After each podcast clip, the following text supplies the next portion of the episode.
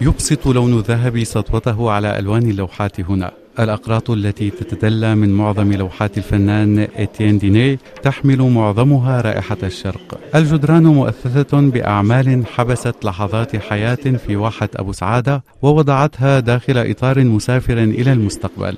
إتيان ديني الذي ولد في باريس عام 1861 وختم رحلة حياته في الجزائر التي وجد فيها مستقرا لفنه وعالما نقل منه تفاصيلا دون تزييف في ثلاثينيات القرن الماضي. تلتقي الآن أعماله مع بعضها في مسقط رأسه للمرة الأولى بعد مئة عام على رحيله ليراها أبناء بلده.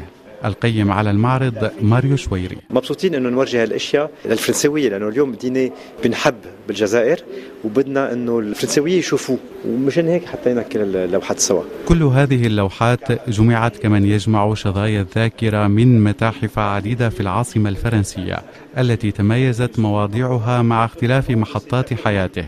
فرسم بريشته الصحراء وظهرت النساء بشكل مثالي مرورا بالحرب العالمية الأولى ونضاله من أجل الجزائريين ثم اعتناقه الإسلام الذي ظهرت طقوسه في لوحات تلك المرحلة لتحمل رمزية معينة.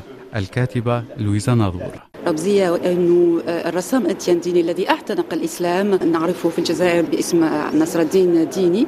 هذا الشخصية العربية الجزائرية الفرنسية ولديه بعد عربي أيضا.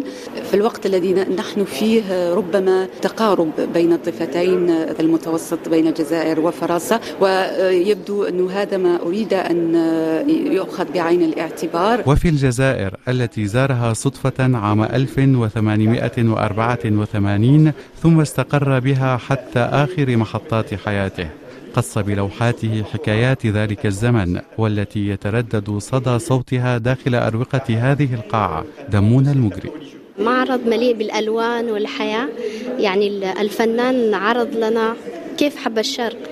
تفاصيلها الحياة الواقعية يعني كيف آه، ننجذب عن طريق الإضاءة الظل. حياة السكان الأصليين شغلت هذا الفنان فرسم الفقر واليأس والشجاعة والكرامة ليصبح رمزا للبلاد التي احتضنته. القيم على المعرض ماريو شويري. إنه رسام فرنسي من زمن الاستعمار تبنته الجزائر المستقلة ثم أصبح صورة لها في الخارج. وأعتقد أن هذا الموضوع مهم جدا. بعد رحلة في عوالم إتيان ديني يبرز سؤال معلق بين لوحة ولوحة. كيف تمكن هذا الفنان الفرنسي في زمن الاستعمار من أن يصبح واحدا من رواد الهوية البصرية في الجزائر بعد الاستقلال؟ وفي رحاب فنه وبين ألوانه قد يظهر الجواب.